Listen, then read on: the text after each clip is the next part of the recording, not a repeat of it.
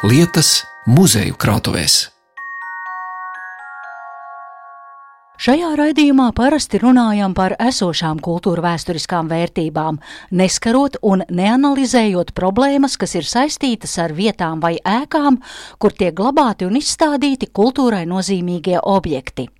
Taču iedvesmu šim raidījumam es guvu noklausoties kultūras rondo vadītājas Ingvildas Strautmanas sarunu ar Nacionālā mākslas muzeja izstāžu zāles arsenāls vadītāju Elitu Ansoni. Teiksim, arsenālā būtu rekonstruētajā arsenālā 2,5 tūkstoši kvadrātmetru izstādēm. Tad jau varētu runāt par kaut kādu priekšstata sniegšanu par šo periodu un, un nu, vismaz uh, analfabētisma likvidēšanu 20. gadsimta otrās puses mākslā. Kāds es atļaušos teikt, es domāju, ka 90% uh, Latvijas iedzīvotāji ir pilnīgs analfabētisms šī perioda mākslā. Tāds neliels fragments no sarunas studijā par arsenāla ēku, kura kopš 2020. gada sākuma ir slēgta rekonstrukcijai, ko veic uzņēmums valsts nekustamie īpašumi. Remonts namā ir ieildzis, nekas dišs pa šo laiku nav izdarīts, un kad ēka būs rekonstruēta, to neviens nezina.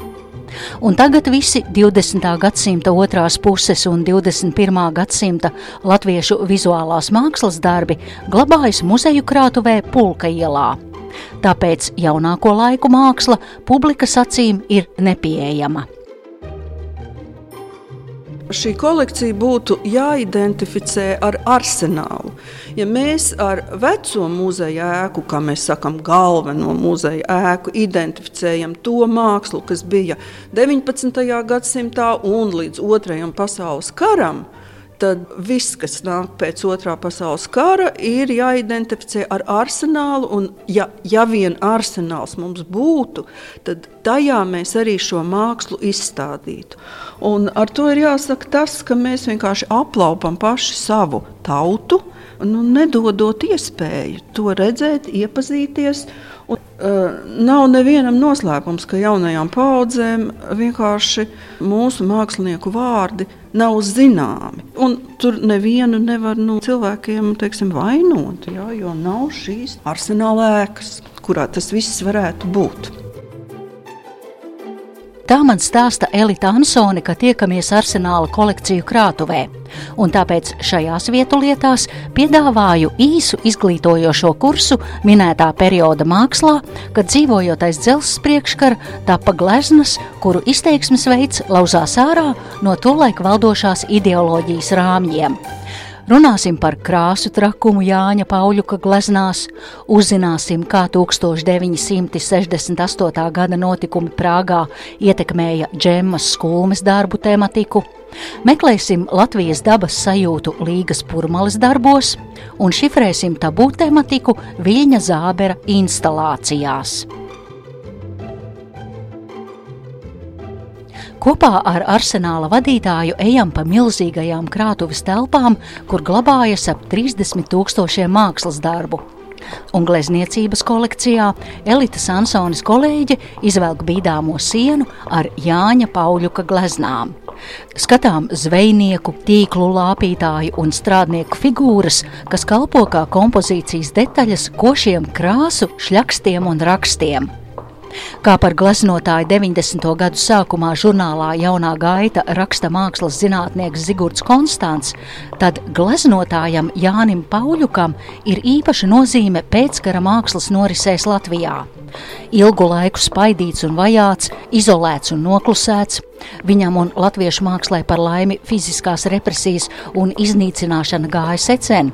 Viņš nepadevās un nesalūza pāraudzināšanas dzirnās. Pat vairāk, Pauļuks tolaik totalitārā režīma šņaugos uzdrīkstējās vislielāko ķecerību - sludināt un demonstrēt individualitāti savu es mākslā. 20. gadsimta 60. gadi ir jāuzskata par apogēju viņa mākslā. Šī laika posma darbos Pauļuks sevi apliecināja par lielu novatoru glezniecībā, kas organiski saliedēja realistisko mākslu ar modernās mākslas izteiksmes līdzekļiem.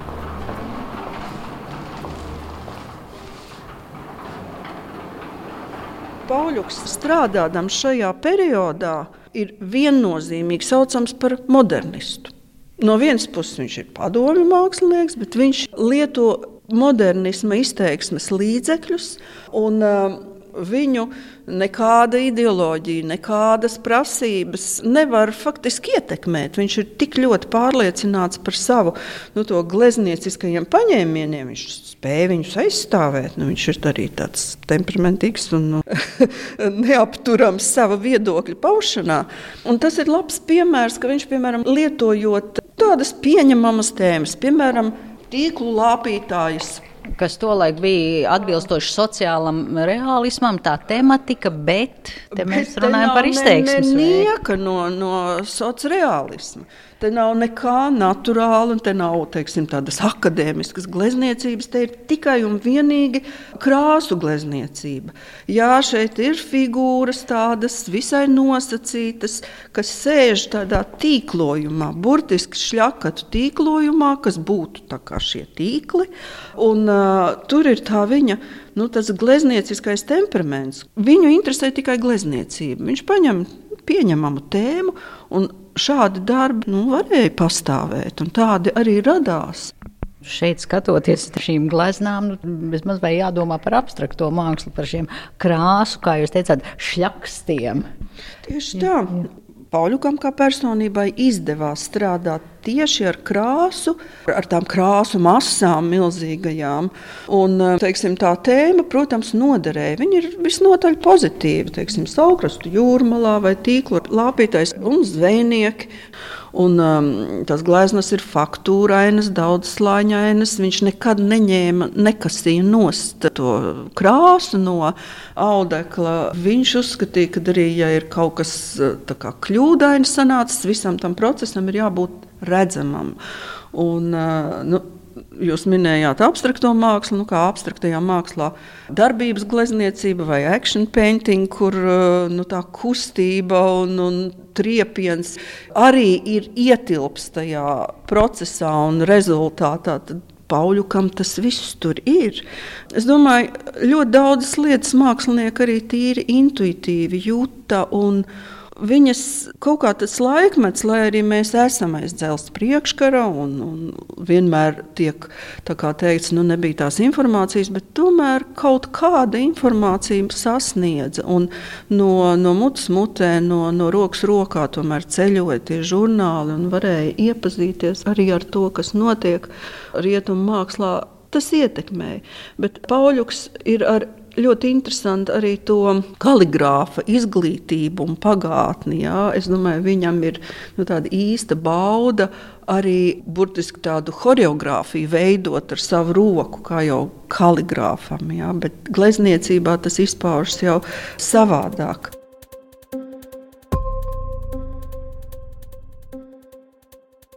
Dodamies pie nākamās sienas, un te būs runa par džemas skulmes daļradi. Par to, kā to ietekmēja 1968. gada pavasara notikumi Prāgā, kad tur ar padomju karaspēka palīdzību tika apspiesti toreizējās Čehoslovākijas valdības centieni liberalizēt esošo komunistisko iekārtu. Gleznā ar nosaukumu Tautas dziesma redzam rupjiem triepieniem gleznotu puskailu tautu meitu, sēžot uz zemes un vainagstai nokritis līdzās.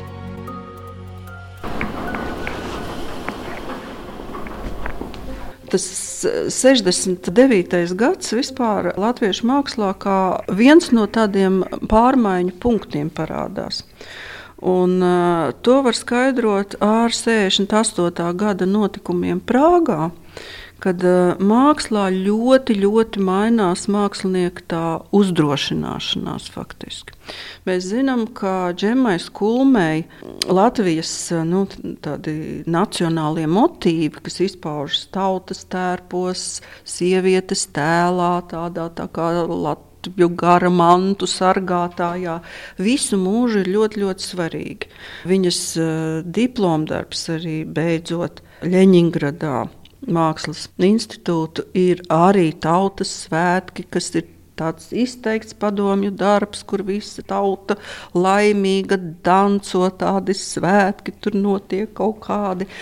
Bet šeit šī tautamēģa 69. gadā pēkšņi ir nokritusi zemē, kronis ir no galvas norauts. Viņa ir, kā arī mākslinieks pats stāstīja, tautu meita ir piesmieta. Un faktiski mākslinieki ļoti asi reaģē uz 68. gada notikumiem. Arī, protams, ka šīs figūras forma, gleznojuma veids jau nu, vairs it nemaz neatbilst uh, naturālas akadēmiskas figūras aprisēm. Viņa ir ekspresīvi gleznota ar kājas platas, puskaila, tādiem triepieniem, plašiem. Tas viss ir. Jā, ar paletes nāzi un, un faktūrām. Nu, tā tad ļoti tāds, eh, kā Džēmas Kungs teica, arī tāds švuncīgs gleznojums. Un pati viņa ir arī teikusi, tā ir nu, tā izvarota, piesmieta tauta meita. Un, uh, no šī brīža mēs ļoti varam pamanīt visā mākslā, ka mainās gan stilistika, gan arī tas saturiskais vēstījums. Un tā kā Elita Ansone pieminēja sociālistisko realismu, kas padomu iekārtā bija vadošais mākslas stils, tad chronoloģiski pakāpjamies atpakaļ un nonākam pie Džemmas skulmes diplomdarba, kas tapa 1955. gadā, beidzot Iljas Repina Mākslas institūtu Ļeņingradā. Nīcas, Rucavas, tautas tērpos, ā, un tur arī jā, matroža tērpā kādi puiši dancina vietējo meiteni, un visas tās pozas pauž, cik labi dzīvot ir padomju zemē un kā mēs varam laimēdiet. Jā, tieši tā. No vienas puses it kā ir šis latviskais tautas tērps, bet, protams, ka tas tika arī tā kā veicināts tā tautu draudzība un, un, un uh, visi kopā laimīgā saimē dejo un tā kā zaļumbāle. Fonā sarkans karoks, un tur arī tas, man liekas, tur kāds vai lozungs varētu būt sarkanā krāsā, kas man šķiet bija nu, arī tā laika, nu, nodevs tam laikam. Bija tā prasība. Absolūti, bet uh, interesanti, džemai skulmei sarkanā krāsa ir kā nu, tāda gleznieciska viela ļoti tuva. Tautas tērpā mums arī ir sarkanā krāsa. Un šī sarkanā krāsa der arī padomju mākslā ļoti labi. Un galvenais, ka džemas skulmes, tas sarkanais, ienāk arī vēlāk modernismu glezniecībā. Tā ir tāda interesanta lieta, ja, ka it kā tur nav pretrunas, jo tev tīri gleznieciski tas sarkanais der, jā, viņš tev mirdz. Cik, cik atšķirīgs rokraksts, jā, ja Te nekad ne, neuzminēt, ka tā ir džēmas kūma. Nu, protams, pabeidzot mm. mācību iestādi, tur jau ir noteikts prasības jāizpild, ka tu esi apguvis noteiktu akadēmisko prasmi un, un programmu, un tā ir daudz figūru kompozīcija, tur ir gan kustība, gan šis akadēmiskais zīmējums. Par glezniecību mēs tur gandrīz varam mazāk runāt. Nu, glezniecība ir tādos laukumos, jā, sarkanbruņš pret zaļiem bruņšiem, bet nekā krāsas, triepiens vai uzliciens, tas jau samērā tā naturāli ir gleznots. Kustība ir ļoti svarīga, kā, kā viņi tās grupas ir sagrupējusi, un tiešām iespaidīgs darbs. Bet pēc gadiem, pēc 14 gadiem, jau viss ir mainījies. Attieksme ir mainījusies. Tā kā džemai skolmē bija tā iespēja diezgan daudz braukt arī grupās uz ārzemēm pamazām redzot tomēr arī ārzemju muzejos, kāda māksla top un kā var gleznot, un kā var ar krāsu, kā vielu un abstrakti gleznot. Bez šīm tēmām mainās arī viņu pašu māksla. Bet, protams, padomju valstī ir jāpaliek pie figūrām. Jā? Viņš nevar teiksim, pilnīgi atteikties no kaut kāda redzamās pasaules attēlojuma.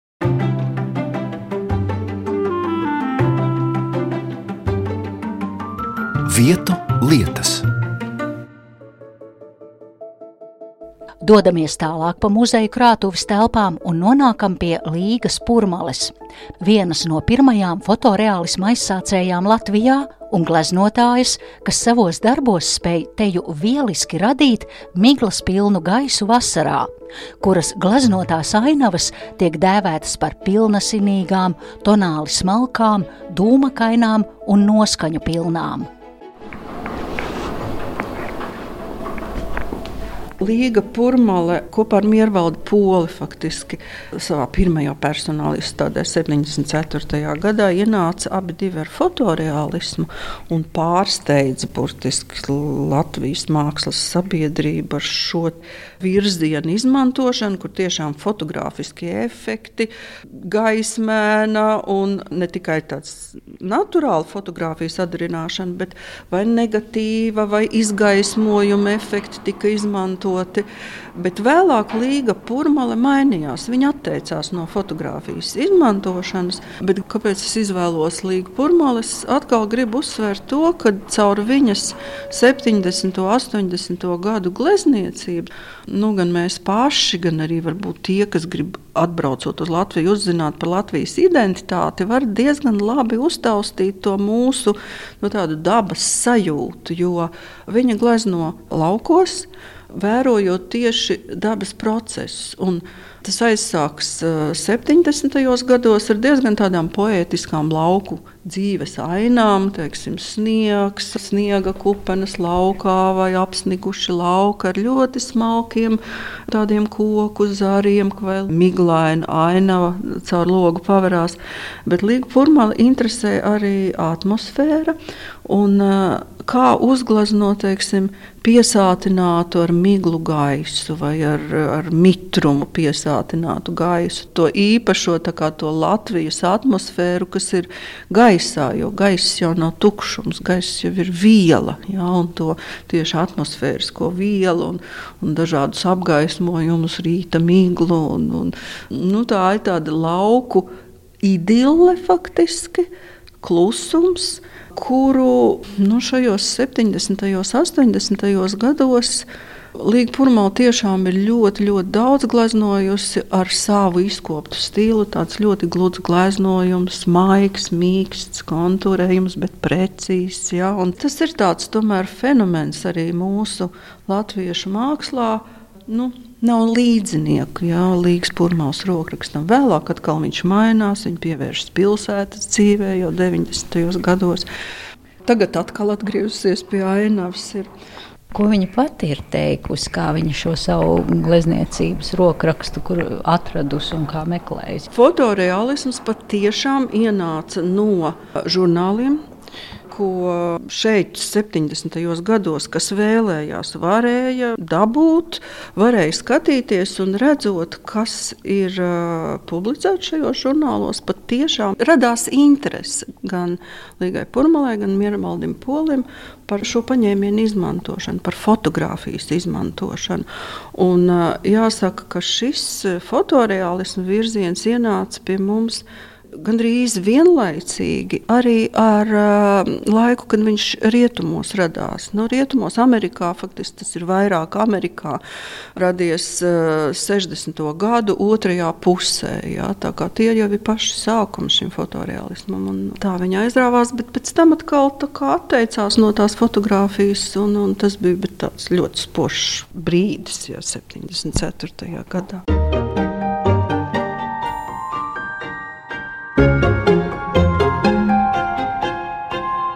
Vietu lietas. Pagājušā gadsimta 90. gadi ir arī instalāciju uzplaukums.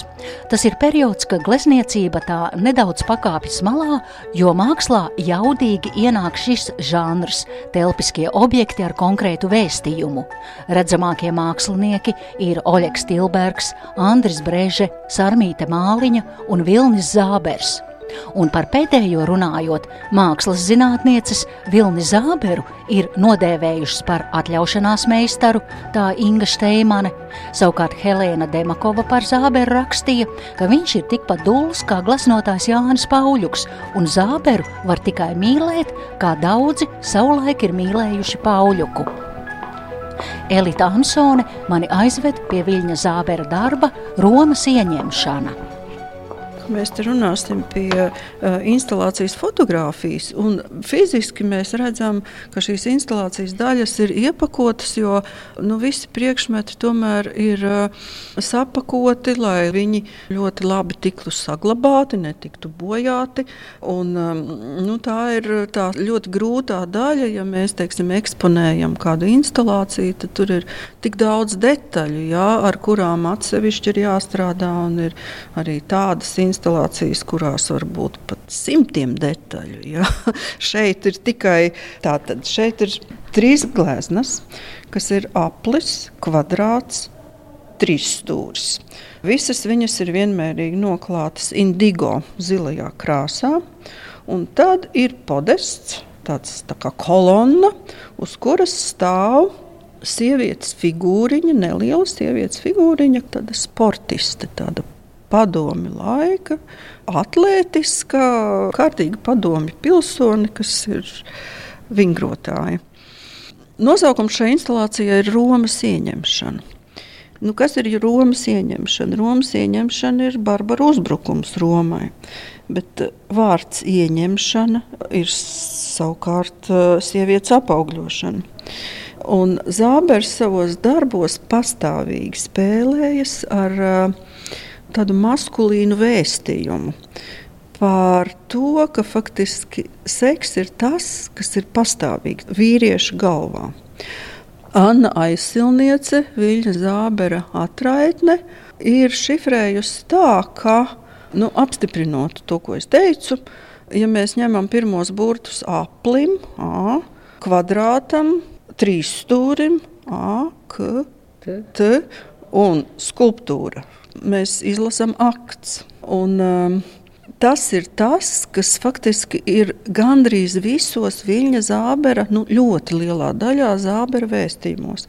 Tas ir 94. gada darbs, un šajā periodā vispār latviešu mākslā parādās ārkārtīgi, nu, tāda var just, ka ir tāds vilnis par to aizliegto, kas ir bijis padomu laikā, tādu tabū tēmu, kad mākslinieki ir gatavi sākt runāt par, par seksu atklāti bet uh, Zābers to nedara ļoti tieši un atklāti. Viņš vienmēr to iešifrē kaut kādos, šeit ir tas nosaukums, jā, kā tāds kaut kas barbarisks, kaut kas seksuāls. Mums ir jāmin tā mīkla, mēs to tieši tā kā nekas nav tieši. Un tas kopā veido tādu tik daudzus jautājumus par to, kas šim māksliniekam ir galvā, ko viņš tiešām vēlas pateikt. Ja, tas ir tas dzinējs spēks, faktiski tāds ļoti maskulīns vēstījums ir Zāberam. Vilns Zābers kā personība bija ļoti ekspansīvs, ārkārtīgi radošs un bezgalīgi talantīgs mākslinieks, kas diemžēl diemžēl gāja bojā. Jauns, jā, un, un līdz ar to arī kā, ir kaut kāds tā kā pārāvums, ka viņa māksla nav, nu, nav ne redzēta, ne rādīta, kādi atsevišķi darbi parādās. Bet, nu, aug jau jaunas paudzes, kuri nu, nav redzējuši ne tās izstādes, ne tos mākslinieku vārdus. Un te ir runa par mūsdienu latviešu mākslu ne tikai kā par spilgtām un unikālām personībām, bet daudz plašākā kontekstā - gan par mākslas vēsturi, gan politisko vēsturi, teica Latvijas Nacionālā mākslas muzeja izstāžu zāles arsenāls vadītāja Elita Ansone gaidās uz izstāžu zāles arsenāls izremontētajām telpām, kur vienopus varēsim redzēt mūsdienu mākslas darbus, uz sadzirdēšanos līdz nākamajai nedēļai, saka šī raidījuma veidotāja Zane Lāce Baltāksne.